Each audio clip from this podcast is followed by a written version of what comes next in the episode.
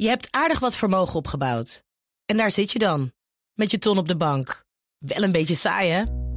Wil jij, als belegger, onderdeel zijn van het verleden of van de toekomst? Bridgefund is een slimme fintech die een brug slaat tussen de financiële behoeften van ondernemers en van beleggers. Dus wie belegt bij Bridgefund krijgt niet alleen een mooie vaste rente, maar brengt ook ondernemers in beweging. Echt waar, met die ton kan je zoveel betere dingen doen. Bridgefund. Make money smile.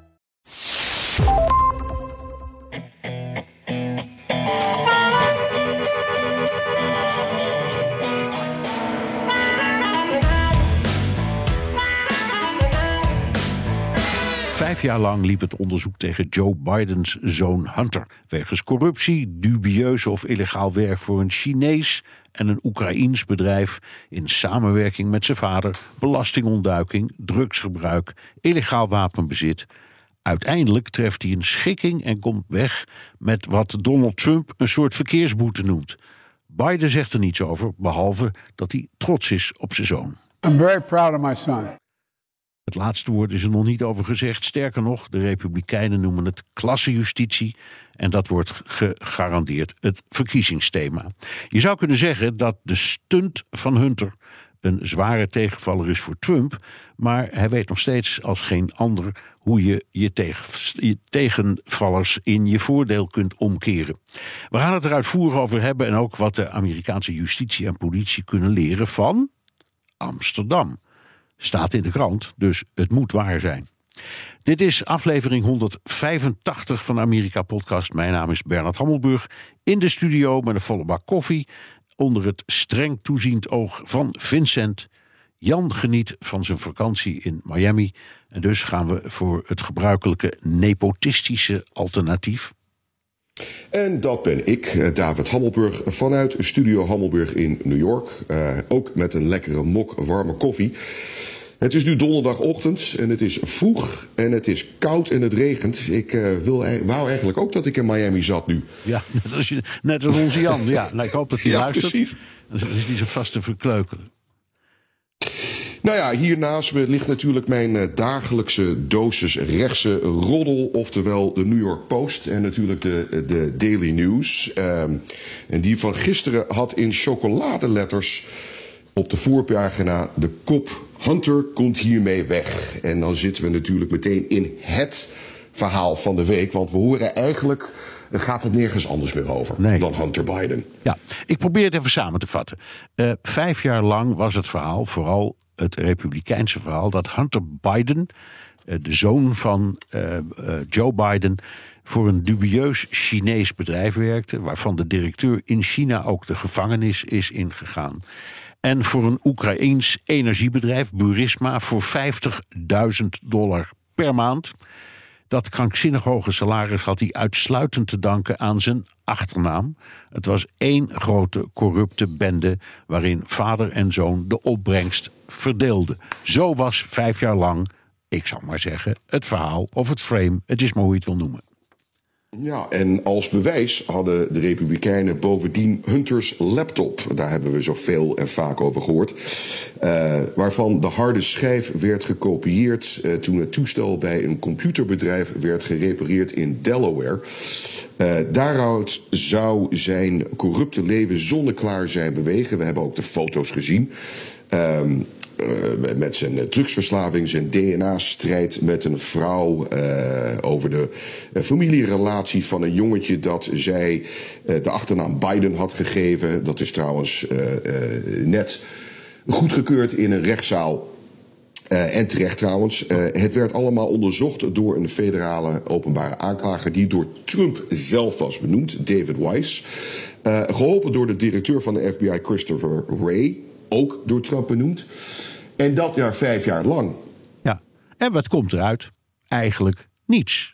Eigenlijk helemaal niks. Hunter heeft al zijn achterstallige belasting betaald, maar te laat. Dus daarvoor krijgt hij twee vermaningen of zoals je wil boetes. Zoals dat gebeurt als je uh, achterstalligheid hebt bij de Belastingdienst. En uh, hij bekent één misdaad, het bezitten van een vuurwapen. Uh, en uh, dat zit zo, als je bent veroordeeld of geregistreerd als drugsgebruiker, dan mag je in Amerika geen vuurwapen hebben, althans in een aantal staten. Dus dat is een misdrijf.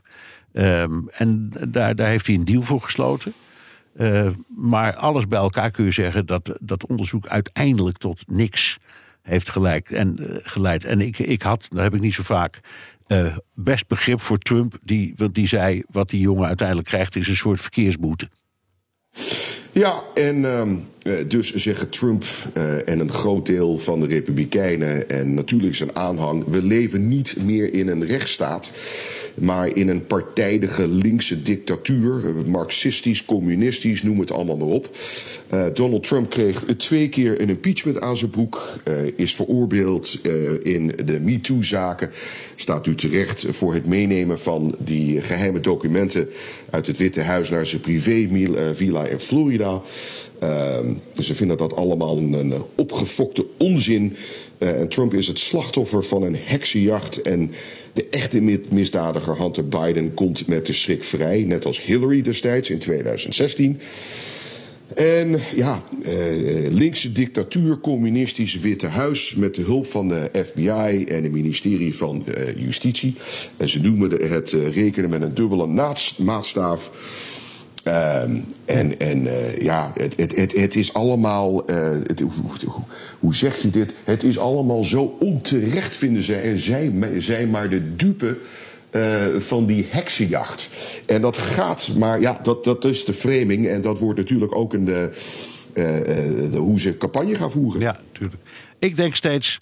Um, als het zo was geweest, hè, als, als um, de, Trump en de zijnen het hadden voorgesteld. Dan hadden die door Trump benoemde hoofdrolspelers, de directeur van de FBI en uh, de rechter in de Hunterzaak of de aanklager in de Hunterzaak gedaan waarvoor Trump, Trump ze had aangezocht. Namelijk uh, het seponeren van de zaken tegen Trump en een grote zaak tegen de Bidens, Hunter en Joe. En toch hebben ze misschien ook wel een punt, want een systeem waarin alle federale benoemingen politiek zijn, blijft op zulke momenten toch een beetje verdacht. Dat valt niet te ontkennen. Nee, maar je kan ook het, eh, het uh, omgekeerde zeggen, namelijk dat alle andere lui die documenten hebben meegenomen of geheime documenten in bezit hadden. daar is meteen het boek naar gegooid met 9, 10, 11, 12 jaar straf. Ehm, met hetzelfde wat, wat Trump heeft gedaan. En bovendien gaat het uh, met Trump ook een beetje over het verhaal dat mensen het niet echt hem kwalijk nemen dat hij die documenten in bezit had. Maar als een soort keizer zijn eigen regels hanteerde en zijn eigen wet uh, uh, uitmaakte met het behouden van die documenten en het, en het, het weigeren van terug te geven. Dan komt er ook nog iets. Het Huis van Afgevaardigden, waar de Republikeinen in de meerderheid zijn, uh, die blijven dit onderzoek vervolgen. Dat hoorde je uit alle kanten. En vooral de Freedom Caucus. Uh, daar heeft Lauren Boebert trouwens, als ik die naam goed uitspreek, dat weet ik eigenlijk nooit. Die uh, zeer rechtse Freedom Caucus vrouw uit Colorado. Die heeft net een, een impeachment aanklacht gedaan tegen Biden. Um, ja, maar daar daar, over... daar, daar krijgt ze ruzie over met, met de partijleider. Hè? Die, die, ja, vond, die vond dat zo... niet handig. Ja, maar een van die redenen was machtsmisbruik. Uh, en dat gaat vooral over het vervolgen van Trump en uh, uh, wat zij dus misbruik van, van de macht ja. van de president noemen. dus dit, en, en, dit is nu de tweede keer dat ze dit proberen. En dat, dat spelletje wordt maar niet uitgespeeld. En nee. dan heb je bovendien ook nog de, de tegenkandidaten binnen de Republikeinse Partij die eigenlijk een beetje moeten zwijgen over dit onderwerp. Want je kan natuurlijk niet tegen uh, uh, Trump ingaan, want hij staat nog goed voor in de peilingen. Alhoewel ietsje achteruit, omdat um, hij zo tekeer is gegaan um, in Miami dat zelfs uh, Rep, of, uh, republikeinen binnen de partij uh, dat een beetje te overbodig vond. Maar goed, het blijft natuurlijk Trump en niet, niemand anders dan Trump in, in, in die strijd. En ik zie dat ook niet zo snel veranderen. Nee. Vraag je daarover trouwens, is dat ook het nieuws wat je in Nederland ziet en hoort? Of is dat echt uh, de Amerikaanse versie daarvan? Nee, is de Amerikaanse. Dat we zeggen, de, de, de, de media die besteden aandacht aan de kwestie van Hunter Biden. Maar uh, ja, we hebben andere dingen. Ik moet zeggen dat uh, we nemen nu op op donderdag. Dus Het is een spannend moment in de zoektocht naar dat onderzeebootje. Eh, Dus die, vijf, die vijf miljardairs die in een, eh, in een sardineblikje eh, naar de Titanic zijn gaan kijken. Dat is een heel groot verhaal.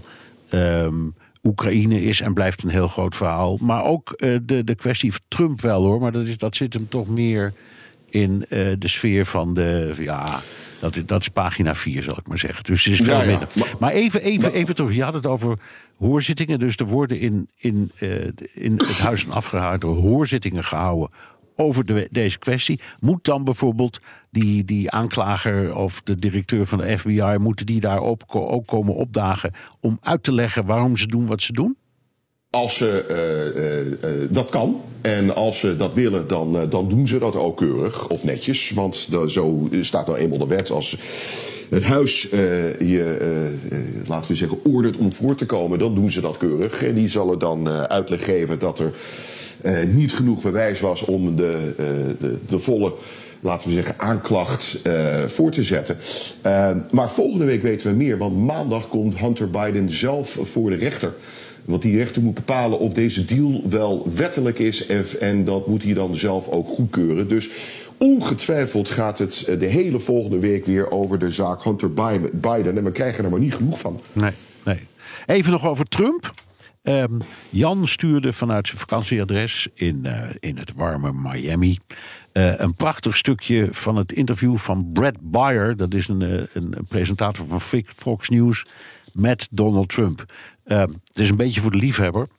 Eh, maar wat Bauer, eh, wat Bayer doet in dat interview is Trump confronteren met alle medewerkers en steunpilaren die hem de afgelopen tijd hebben laten vallen.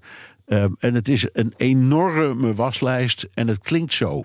Your vice president, Mike Pence, is running against you. Yeah. Your ambassador to the United Nations, Nikki Haley, she's running against you. Your former Secretary of State, Mike Pompeo, said he's not supporting you. You mentioned National Security Advisor John Bolton. He's not supporting you either. You mentioned Attorney General Bill Barr, uh, says you shouldn't be president again, uh, calls you the consummate narcissist and troubled man. You recently called and uh, Barr a, a gutless pig. Uh, your second defense secretary is not supporting you, called you irresponsible. This week, you and your White House called your White House Chief of Staff, John Kelly, weak and ineffective and born with a very small brain. You called your acting White House Chief of Staff, Mick Mulvaney, a born loser. You called your first Secretary of State, Rex Tillerson, dumb as a rock. And your first Defense Secretary, James Mattis, the world's most overrated general. You called your White House Press Secretary, Kayleigh Canadian, milquetoast. And multiple times you've referred to your Transportation Secretary, Elaine Chao, as Mitch McConnell's China loving wife. So, why did you hire all of them in the first place? Ja, briljant gedaan door deze presentator. Eh, die, die zich, en, en, en het is Fox News, daarom vond ik het zo opmerkelijk. Eh, want die zijn in het algemeen redelijk pro-Trump geweest de afgelopen tijd. Laat zich niet intimideren. Maar wat ik ook heel knap vond, was de manier waarop Trump antwoordde. Want eh, die draaide het namelijk om. En die zei: voor ieder- iedereen die bij mij is afgevallen. of uit de gratie is, of is ontslagen. waren er minstens tien die hartstikke briljant waren. Ehm, en vervolgens maar, eh, komt hij met een hele lijst van zijn successen die hij allemaal heeft behaald. Dus hij gaat dit helemaal niet tegenspreken. En hij roept ook niet heel boos tegen Brad Bayer: wat is dit onbeschoft? Of je hebt ongelijk, of dat klopt niet. Helemaal niet. Hij draait het om en zegt: ja, dat klopt. Eh, en ik, ik had een heleboel mensen die nog veel beter waren. En eh, ja, mijn, mijn presidentschap is een mega succes geworden. Dus ik, ja, petje, ik, ik dacht petje af. Ik vond het zo apart, dit. Ik, ik vind het, eh, het was briljant. Vaak gaat het eh, in politieke interviews niet om de vragen, maar om de antwoorden. Ehm, ik denk dat zo'n stukje video, eh, dat we dat nog honderd keren voorbij zien komen. Maar niet alleen in de politiek. Maar dit is ook wat je, een lesje wat je zou leren in communicatie of mediatraining. Je, je, krijgt een harde klap in een vraag. En je bouwt het bruggetje en keert het helemaal om. En in zijn geval eh, had hij het inderdaad over al zijn successen. En vooral over de economie en wat hij allemaal op de grens heeft gedaan. Ehm, en je hebt gelijk, hij, hij sprak er helemaal niet tegen en benoemde zo uh, tien andere mensen die grandioos en fantastisch waren. Um, en zo doe je dat. Zo, dat leer je ook in een, uh, in, een, in een communicatietraining. Ik vond het buitengewoon knap. En wat mij ook opviel, uh, viel, is dat Trump zo rustig bleef. Ja. En zei: Ja, het is, het is, het is allemaal waar. Ja. Um, en al die mensen waren minkukels. En je kan ook zeggen, hij, hè, dus een van zijn campagnebeloftes destijds was: ik kom met de allerbeste mensen. Uh, de meest briljante me mensen. En uh, deze Brett Baer, die, die, die sprak het dus allemaal tegen. En dat is trouwens een van de weinige mensen op Fox die onafhankelijk probeert te blijven. Het is een goede interviewer. Uh, dus het, het was een, ook een uitstekende vraag. En ja. ik vond het toch ook een grandioos antwoord. Je hebt helemaal gelijk. Het viel mij op. Uh, Jan had gelijk om dat even op te sturen, maar het stond hier bol in de media. Want het was aan weerskanten uh, ja, toch wel een kleine spektakel. Ja, voor beide kanten, dat vond ik ook. Ik vond het echt, nou ja, je, je, hebt zo in de. Er is ooit een keer in, in Engeland een heel beroemd moment geweest bij de BBC. Hè? Jeremy Paxman, die het programma Newsnight presenteerde. En die had een politicus tegenover zich zitten die geen antwoord wilde geven. En toen heeft hij dertien keer de exactzelfde vraag gesteld. En dat is ook, dat is, dat is televisiegeschiedenis geworden. En kreeg je uiteindelijk antwoord? Nee, en ik kreeg na de dertiende keer nog steeds niet antwoord. En toen draaide Paxman zich om en kondigde het volgende onderwerp aan. Dus die liet die politicus ook zo zitten. Ja, ja is echt maar ik, ik, ik, ik, ik denk met de geschiedenis van, van Fox en Trump dat je uh, uh, als Fox interviewer wel de harde vraag mag en zelfs moet stellen. Dat is ook een verplichting. Um, en met, kijk, met de opiniemakers in de avond, hè, tussen Sean Hannity, die, die, die daarvan krijgt Trump alleen maar de makkelijke vragen die heel makkelijk te antwoorden zijn. Um, en ik denk dat als je dus in het nieuwsprogramma blijft van een Fox, dat je dan een, een, een eerlijker uh, uh, verdeling krijgt tussen de harde vragen en de goede antwoorden. Maar nogmaals, wat mij opviel is hoe rustig hij bleef. Ja. Want normaal gesproken gaat hij ontzettend tekeer. Hoe durf je zo'n vraag te stellen? En ik vond zijn uitstraling ook. Uh, uh, heer en meester en heel anders dan ja. hoe die normaal kan reageren. Ja. Ik weet niet of je jou dat opviel, maar het, voor mij was het opmerkelijk. Ja, zeer opmerkelijk. En ik denk ook dat het een voornemen is voor hem in deze nieuwe campagne. Je merkt ook dat hij over allerlei hele harde standpunten in zijn eigen partij uh, zich uh, langzaam profileert als iets liberaler. Hij vindt al dat gedoe over abortus bijvoorbeeld, dat gaat hem veel te ver. Dat wilde hij eigenlijk niet. Dat, dat hoort ook niet in zijn partij op deze manier. Dus hij neemt als het ware een stapje terug en profileert zijn tegenstanders dus als extremisten. En daar past deze houding ook in. Kijk mij eens, ik ben, de, ik ben de, de redelijkheid zelf. Ik heb de ervaring om het te doen. Laat mij het nog maar een keer doen. Dan komt het allemaal voor elkaar. Ja, ik ben alleen benieuwd of hij bij, uh, laten we zeggen dat hij nog een keertje de verkiezingen wint, of hij in zijn kabinet of in zijn staf uh, nog mensen kan vinden die over zijn gebleven. Want het was natuurlijk wel één, één uh, potje, potje shit met alles wat daar uiteindelijk is overgebleven. Iedereen uh, rende weg naar, die, uh, naar 6 januari en de bestorming van het, van het Capitool. Er bleef niemand over. Dus wie kan hier nog vinden? Ja, het is, het is een groot land. Het is een groot land. 300, 300, 342 miljoen mensen. Er zitten pas wel een paar die minister willen worden in het kabinet ja. Trump 2, toch? Ja, en over 333 miljoen mensen gesproken. We hebben inmiddels 444 miljoen wapens. En dat leidt ons uh, meteen aan aan het uh, volgende onderwerp. Uh, en dat komt uit de Washington Post. de columnist Jennifer Rubin. En de kop was: Nederland is superveilig. Amsterdam is superveilig. En kan Amerika de les lezen? Um, ze was in Amsterdam, ging s'avonds naar het concertgebouw en liep daarna ruim een half uur naar het hotel. Een toonbeeld van rust, uh, niets bedreigends. Ik zou zeggen, uh, ze had misschien wel iets meer research kunnen doen. Maar wat het verhaal zo aardig maakt, is de vergelijking met Amerika. En ik haal hier een paar cijfers uit. Um, en dat is heel opvallend. In Nederland zijn er 2,6 vuurwapens per 100 inwoners. Uh, in Amerika zijn het er 120 per 100 inwoners, om je een idee te geven. Dus meer wapens uh, dan mensen, ja. Ja, in Nederland worden uh, uh, 27 mensen per jaar met een vuurwapen uh, vermoord. In Amerika is dat inmiddels 49.000. Omgerekend per bevolking zijn dat er in Amerika 1,777 nee, nee, keer zoveel. 1777 keer zoveel. Ze zeven, je hebt helemaal gelijk. Ja, bijna ik, 2000 ja, keer. bijna 2000 keer zoveel. Dat Is, ja.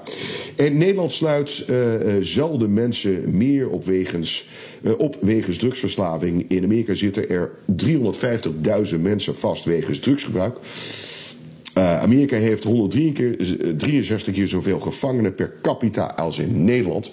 Uh, met andere woorden, als je naar de statistieken, statistieken kijkt, word je daar niet echt vrolijk van. Ja, wat denk jij? Ik denk, nou, het is leuk dat die vrouw die ervaring in Nederland heeft. het is zoals je zegt, ze heeft de research niet zo geweldig gedaan. Want ja, ehm, je kan dit ook doen in een heleboel andere landen. Hè? Ik denk dat als je naar Finland gaat of naar Denemarken of uh, naar Duitsland of naar, uh, naar Italië, het maakt niet zo heel erg veel uit. Dan uh, denk ik dat vergeleken bij Amerika het aantal moorden altijd aanzienlijk lager is. Uh, en het vuurwapenbezit waarschijnlijk ook. Dus het is toevallig dat ze Nederland heeft gekozen. Uit het was ontzettend leuk en het was ook heel prominent gebracht. De Washington Post is niet de eerste, de beste. En, maar ze heeft daar blijkbaar nooit van de Mokro-maffia gehoord. en al die processen die op het ogenblik in, in, in, in Nederland lopen. En, en, uh, nou ja, en uh, journalisten van kranten die politiebescherming hebben. De moord op Peter R. de Vries, een journalist die zelf is vermoord door, door dit milieu. Dus dit, zo verschrikkelijk veilig is het niet. Maar inderdaad, voor de gewone burger is het een veilig land. Eerlijk eerlijk. Ja, maar ik, ik zal even één voorbeeld geven. Dat is me altijd bijgebleven. En dat is iets wat in Nederland waar je niet eens aan zou denken. Uh, een aantal jaar geleden was ik in Houston in Texas. Uh, om een van de zoveelste orkanen uh, te verslaan van... Ik, ik, heb er inmiddels geloof ik iets van nou, 25 achter de rug. Dit was daar één van. En ik zocht in het midden van een orkaan een huis. daarvan had ik het adres met een, een huisnummer. Uh, maar dat was heel moeilijk te zien in het midden van een orkaan. En het eerste wat in me opkwam was: oh jee, als ik opeens uh, tijdens het midden van een orkaan in een, uh, bij het verkeerde huis sta of aan een verkeerde deur, deurbel sta te ringen. Kan mij dat de kop kosten? Dus ik heb de auto naar wat ik dacht het goede huis te zijn, de koplampen daar neergezet. Om duidelijk te maken dat ik geen inbraker was. En dat ik echt uh, naar een huisnummer zocht. En dat is me altijd bijgebleven. Dat is in Europa ondenkbaar dat je zomaar een pad oploopt en wordt neergeknald. Uh, omdat je aan het verkeerde adres bent. Ja. En dat, dat is wel één. Ja, dat is toch een ding waar je in Amerika ontzettend op de hoede voor moet zijn. Ja, dat klopt. En het is laat. Het is met enige regelmaat gebeurd het inderdaad dat iemand ergens aanbelt en wordt doodgeschoten door de, door de bewoner. Omdat hij... Ja, of, of per ongeluk in de verkeerde auto instapt. Dat ja, gebeurt ook. ook. Ik dat bedoel, gebeurt. dat zijn allemaal dingen waar je nooit aan denkt en waar je ontzettend uh, op de hoede voor moet zijn. Ja. En het, ja, het, het, het, gebeurt je maar. Ik, ik, uh, nou ja, in okay. ieder geval mooi, een verhaal wat we altijd bij is gebleven. Ja, dat is een mooi verhaal. Maar dit, dit, in ja. de, dit, dit uh, Amsterdammers voorbeeld van hoe het hoort toch ook wel leuk. Hè? Ja, okay. Ook een uh, mooi voorbeeld. Dit lijkt, uh, mij, dit, dit, ja, dit, lijkt, dit lijkt mij een goed moment om de Amerika-podcast even te onderbreken voor een mededeling. Je hebt aardig wat vermogen opgebouwd. En daar zit je dan, met je ton op de bank. Wel een beetje saai, hè?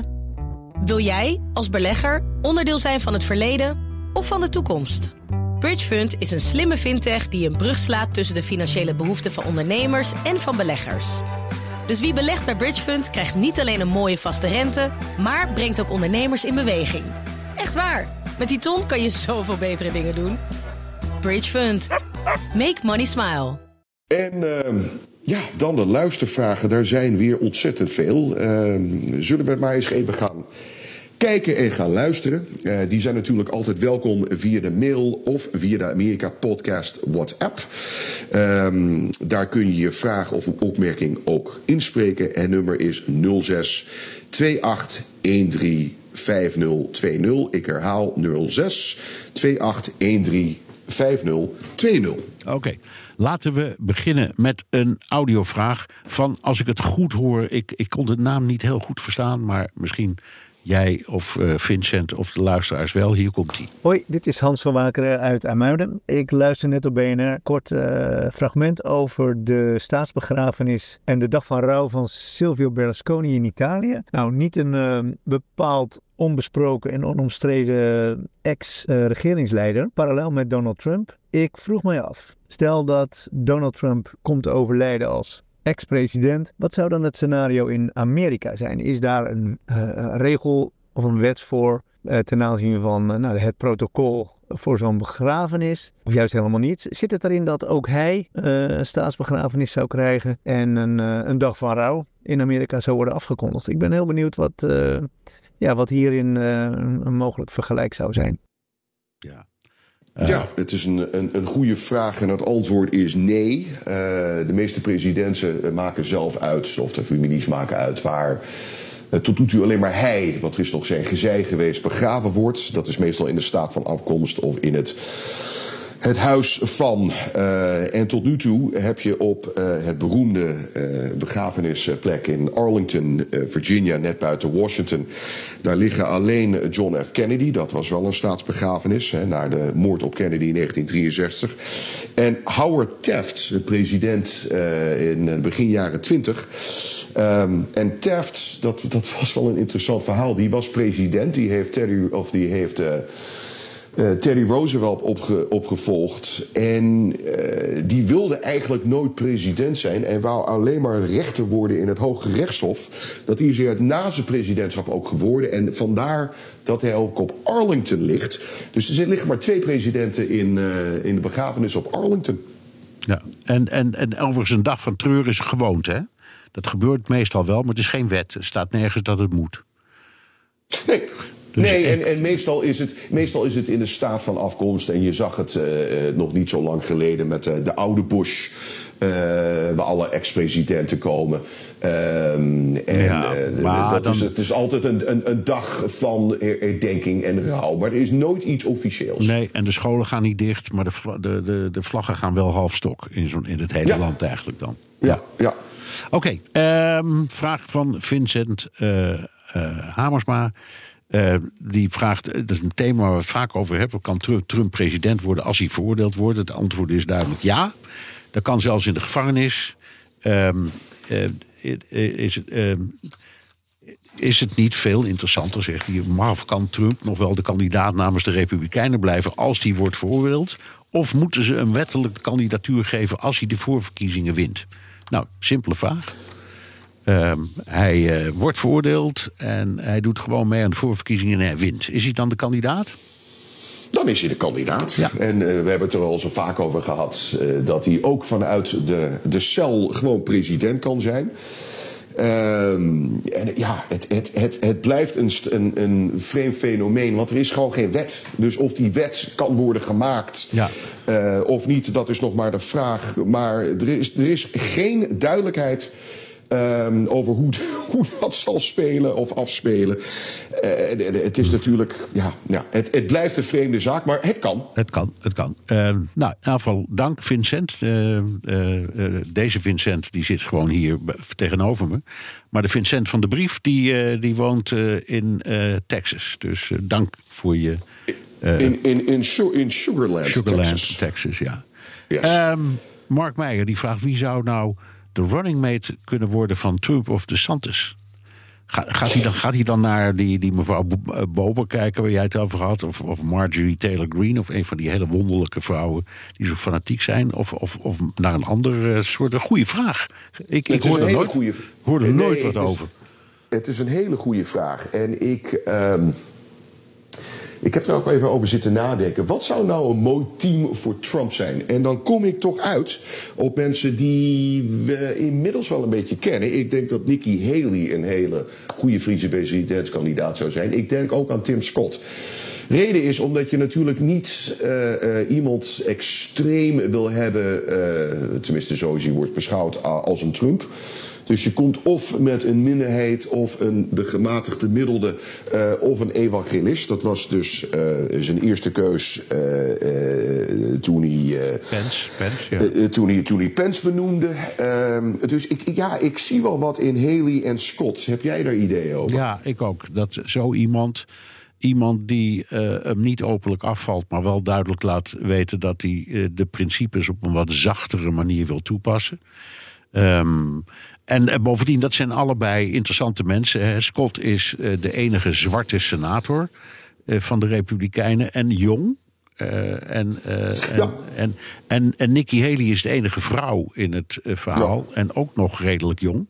52 geloof ik. Dus het zou lijken mij inderdaad ideale uh, ja, en ze, en, ze, en ze komen allebei uit South Carolina, wat ook, ook interessant is. Want dat is natuurlijk voor Biden uh, een beetje ground zero van waar hij zijn eerste succes heeft gehaald. Ja. Um, en Tim Scott is iemand oerconservatief, maar die de uh, Republikeinse tent, zoals ze dat vaak noemen, proberen uit te breiden. Ja. dus meer, meer diversiteit binnen de partij. en Nikki Haley is natuurlijk iemand die toch wel wat respect heeft op internationaal gezien. Uh, als voormalige ambassadeur in de, de, Verenigde ja. Naties ja. Onder, onder, onder, Trump. Uh, dus ik, ik, ik, zou, ik zou ze allebei goede keuze ja. vinden. Kom jij nog op iemand anders? Nee, nee, nee. Dit, nee. dit, dit zijn, vind ik ook de twee inter, meest interessante kandidaten tot nu toe. Oké, okay, nou, laten we het daarbij houden. Ja, vraagje van Martin de, de Heijer uit Manila. Um, die, uh, die komt terug op iets waar we het over hebben gehad, namelijk CNN, waar heel weinig mensen naar kijken. Maar toen hebben we gezegd dat dat, dat maakt ook niet zoveel uit, want CNN verdient zijn geld met de deals die ze hebben gesloten met hotels in de hele wereld. Hè. Dat heeft Ted Turner destijds zo bedacht. Dus of er nu veel of weinig mensen kijken naar het station, dat kan hem minder schelen dan die deals. En hij vraagt zich af hoe dat kan, want hij zegt: CNN zit gewoon op de kabel. En, en, en, en hotels kunnen gewoon een kabeldoosje uh, bestellen. Uh, dus hoezo verdient hij daar zoveel geld aan? Antwoord, volgens mij, nee, dat kan niet zomaar. Ook als ze een kabelkastje hebben. Uh, dan moeten ze gehouden aan de afspraken die ze met CNN hebben gemaakt. Dus ik denk dat, uh, dat de redenering zo blijft. En zelfs als het niet zo is, ook, zo, ook van zo'n kabelkastje krijgt CNN de inkomsten. En als die in de hele wereld in elk hotel staan, dan loopt het ook aardig op. Is die deal nog geldig? En de reden waarom ik dat vraag is omdat uh, CNN in de oude gloriedagen.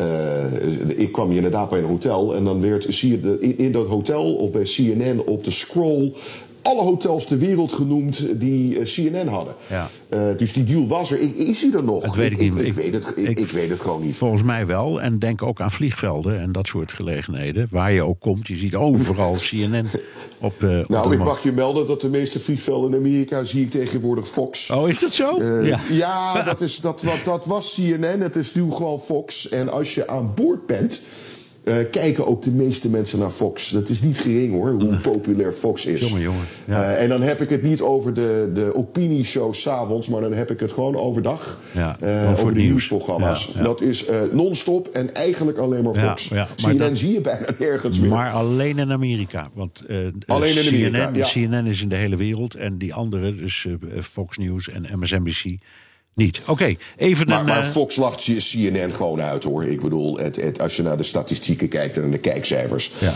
Uh, komt CNN gewoon niet meer aan de pas. Nee. Even een audiovraag van René.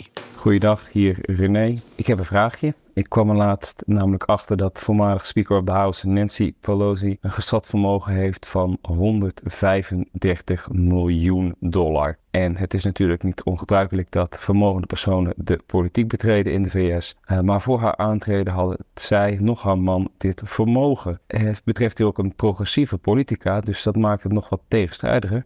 Uh, zijn immers de Democraten niet de partij die de onderklasse ja, beschermt en voor hen opkomt. Uh, klopt dit nog wel? Dat is eigenlijk mijn vraag. Zijn de Democraten nog wel de partij die van de rijken neemt en aan de armen uh, geeft? En hoe ruimt de achterban dat Pelosi zo krankzinnig rijk is geworden? Ja. Ja, het is een goede vraag. Uh, haar man is uh, durfinvesteerder. Dus je kan zeggen, Nancy heeft uh, goed belegd. Nou, nee, hij, heeft, hij heeft heel veel geld verdiend. Paul heeft ontzettend veel geld verdiend met, als investeerder. Uh, heeft goed, goed geïnvesteerd. Ja, en zij heeft door de jaren heen. Wat verdient ze als uh, speaker? Verdiende ze, geloof ik, nou 200.000 dollar daaromtrent. Ja, dat ietsje, ietsje hoger, maar goed, daar word je niet multimiljonair. Nee, nee, maar ze, heeft, ze, ze, ze, heeft, ze, heeft, uh, ze is op de 84ste, geloof ik, gestopt. En ik denk, ik denk dat ze vanaf de 20ste of de 30ste is gaan beleggen. En dat heeft ze heel goed gedaan. Heel ze, ze komt natuurlijk van, van geld. Uh, ja. Maar goed, er waren ook geruchten van voorkennis. En uh, vooral door de, uh, de tegenpartij. Ja. Die hebben dat nooit helemaal koosje gevonden. Wat ze allemaal had, wat ze allemaal bezat nee. en hoe ze eraan kwam. Maar het is nooit echt bewezen. Dus ja, het is een goede vraag. En er is geen duidelijk antwoord. Nee, en René, één ding. Het, het idee dat linkse mensen niet rijk mogen zijn. Dat is, bestaat in Amerika niet. Dat is onzin. Nee. Dat is, ja. dat, dat is meer de Europese opvatting van links. Dan hoor je dat, dan hoor je, dan hoor je, hoor, dan ben je automatisch niet. Dat vinden Amerikanen vinden eigenlijk dat iedereen rijk moet zijn. Uh, ook ja, iedereen en, moet rijk zijn. En, uh, en alleen denkt links, we moeten ietsje meer weggeven dan rechts. Maar ook daar vers, verschilt het niet zoveel. De, maar iedereen moet rijk zijn en mag rijk zijn. Dat is de American Dream. Ja. Um, even een, een, een, een een vraag uh, van uh, iemand die al eerder een vraag heeft gesteld. En bedankt voor het antwoord, maar ik weet niet wat de vraag was. En hij zet zijn naam er niet meer bij. Maar ik noem de vraag toch, want het is een leuke vraag. Um, hij vraagt zich af wat een whip is in het parlement. Ja. En hij, hij, heeft gekeken ja. naar House of Cards destijds. En daar had, had je het over de majority whip. Dat is een functie in het parlement. Komt uit Engeland. Daar heb je het in het Britse parlement heb je dat ook. Dus leg dat eens uit. Wat is een whip en wat, wat doet die in, in, in het parlement? Het betekent zweep, hè, het woord. Ja, en, en zo kan je het letterlijk ook zien. De whip heeft maar één verantwoordelijkheid en is dat, dat is om stemmen te vangen. Uh, voor elke wetsvoorstel of elke deal die wordt gemaakt. En ik, ik noem als beste die ik ooit uh, nou niet heb gezien, want daar ben ik te jong voor. Maar waar ik ooit over heb gelezen was Lyndon Johnson. Als uh, senator uit Texas destijds.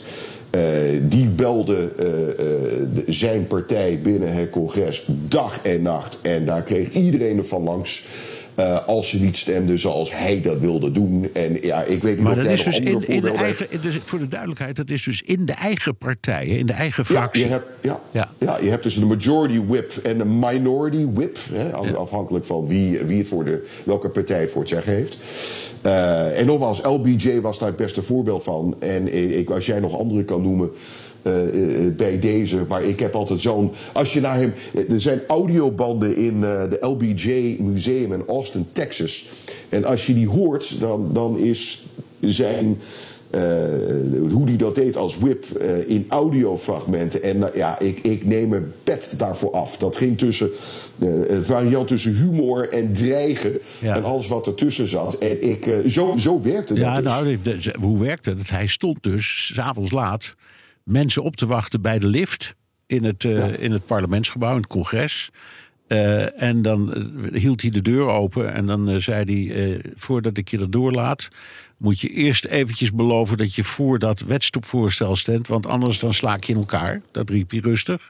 Of hij zei: ehm, Of anders dan, dan komt die, die ene motie die jij in wilde dienen ten, ten gunste van jouw staat, die komt niet in stemming. Daar ga ik voor zorgen.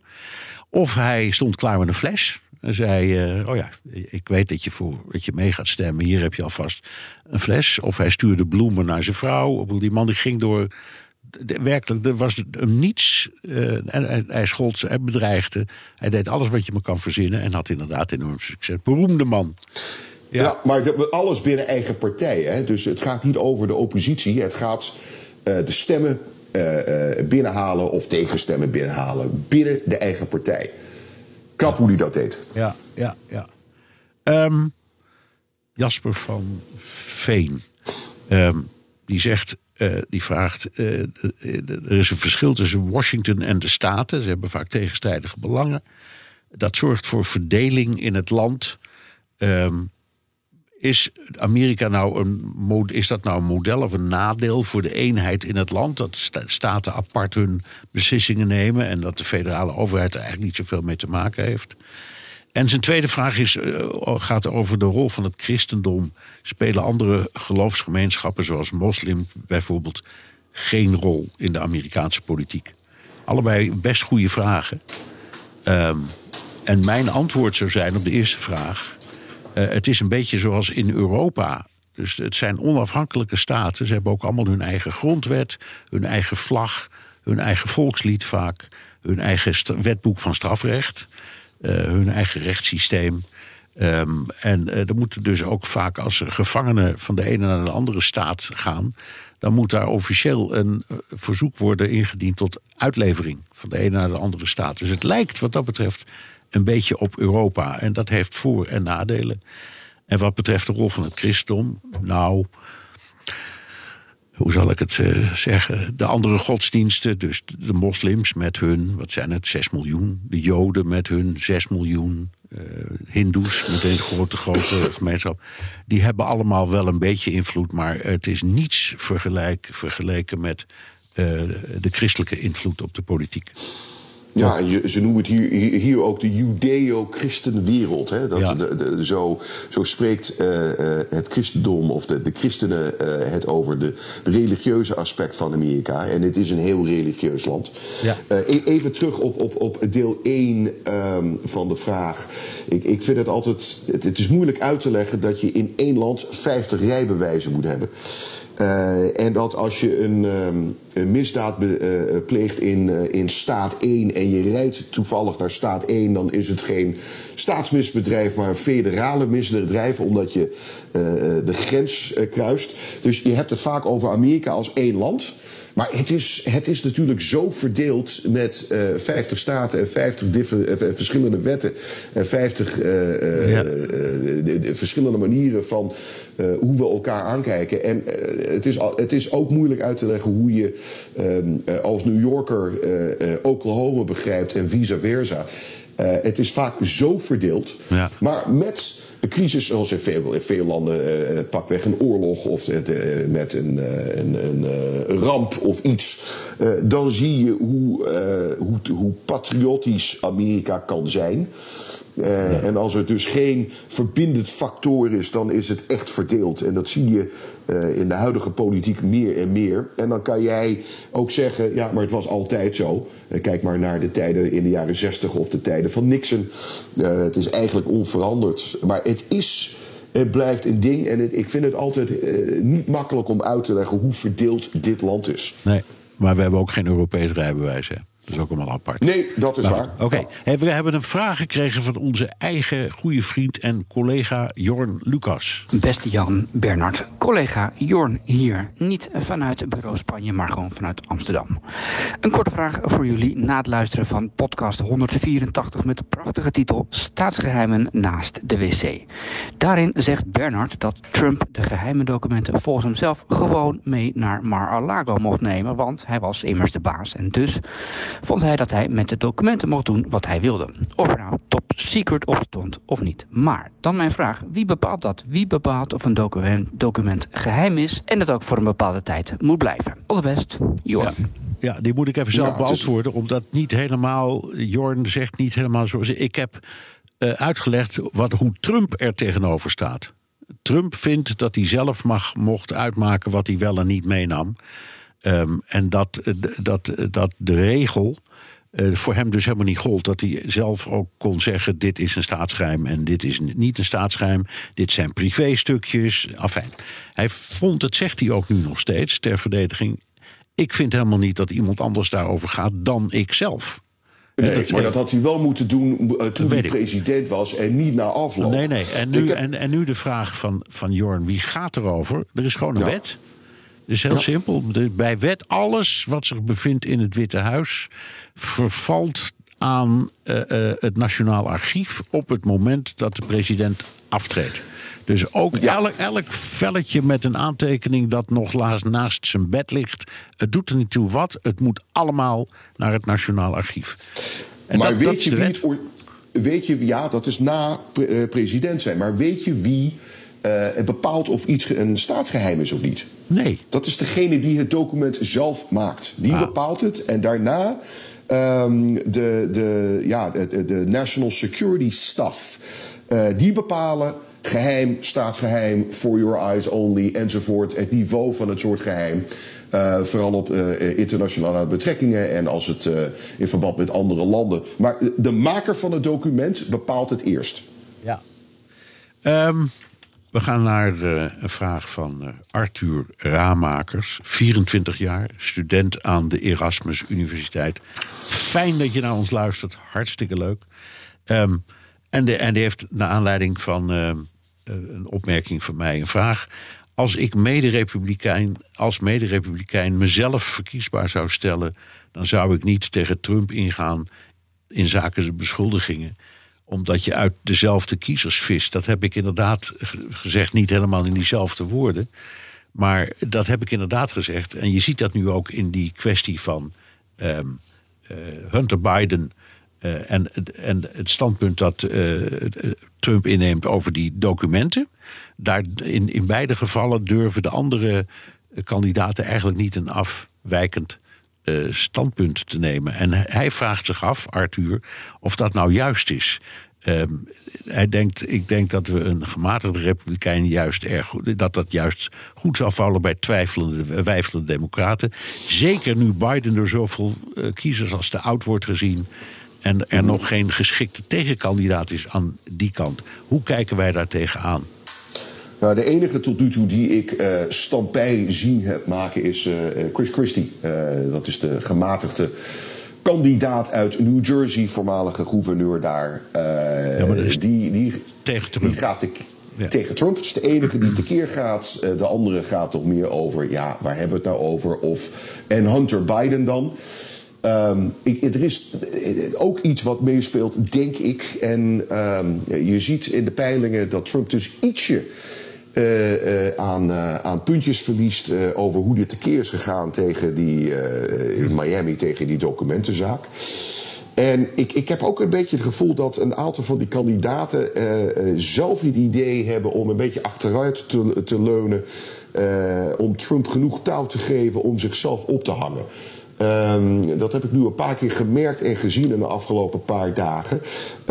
Laat Trump maar Trump zijn.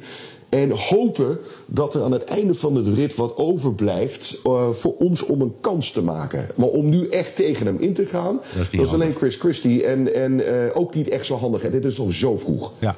Mark Beierman stelt ook een aardige vraag. Heeft de Democratische Partij een plan B voor het geval Biden bijvoorbeeld door ziekte of erger niet in staat is om kandidaat te blijven voor 2024? Ik zie hem niet of haar niet. Jij? Nee. Nee. Ik, ik, ik, ik weet niet of ze een plan B hebben. Uh, ik hoop van wel. Ik, ik zou alleen niet weten wie. Ja, ik kan wel met, met een aantal namen komen, maar uh, daar hebben we nu niks aan. Uh, maar of ze een plan hebben, ik, ik weet het gewoon nee, niet. Nee, en hij zegt, gesteld dat de Don zich terug moet trekken, Donald Trump, of zich terugtrekt, is Biden dan nog steeds de enige tegenkandidaat? Volgens mij is het antwoord ja. Dat is hun hele ja. strategie. Ja, en ik denk dat uh, uh, Bidens, ik wil niet zeggen enige hoop, maar beste hoop is dat het gewoon weer Trump wordt en niet iemand als, als DeSantis of Nikki Haley. Um, want dan wordt, laten we zeggen, het gematigde Amerika wakker.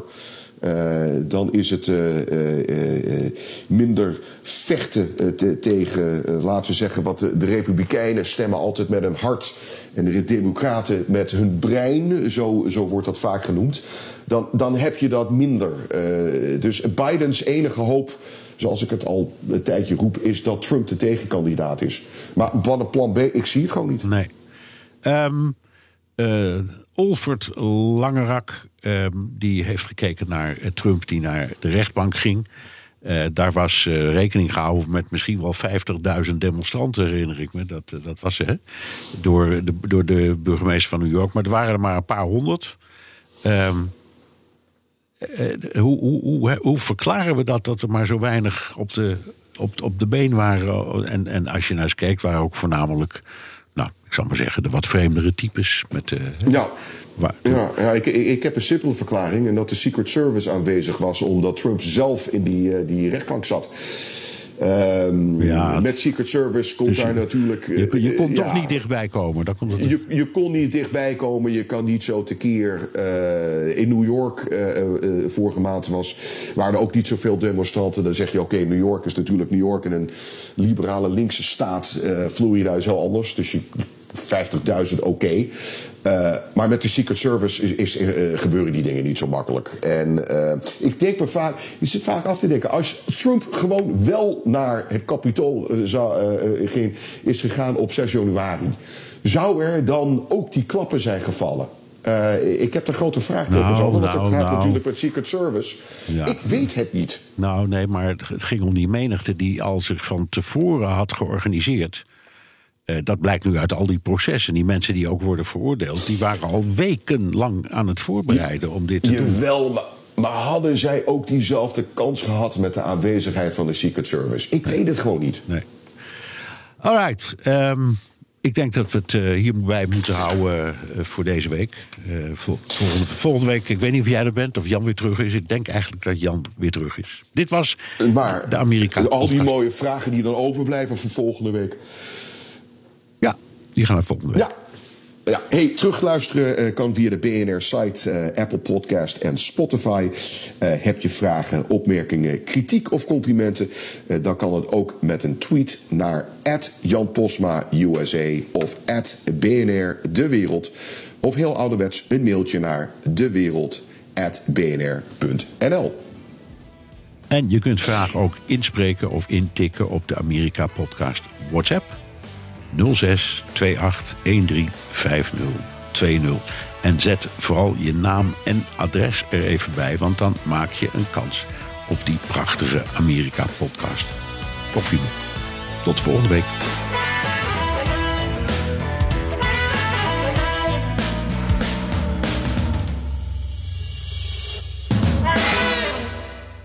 Je hebt aardig wat vermogen opgebouwd. En daar zit je dan, met je ton op de bank. Wel een beetje saai, hè? Wil jij, als belegger, onderdeel zijn van het verleden of van de toekomst? Bridgefund is een slimme fintech die een brug slaat tussen de financiële behoeften van ondernemers en van beleggers. Dus wie belegt bij Bridgefund krijgt niet alleen een mooie vaste rente, maar brengt ook ondernemers in beweging. Echt waar, met die ton kan je zoveel betere dingen doen. Bridgefund. Make money smile.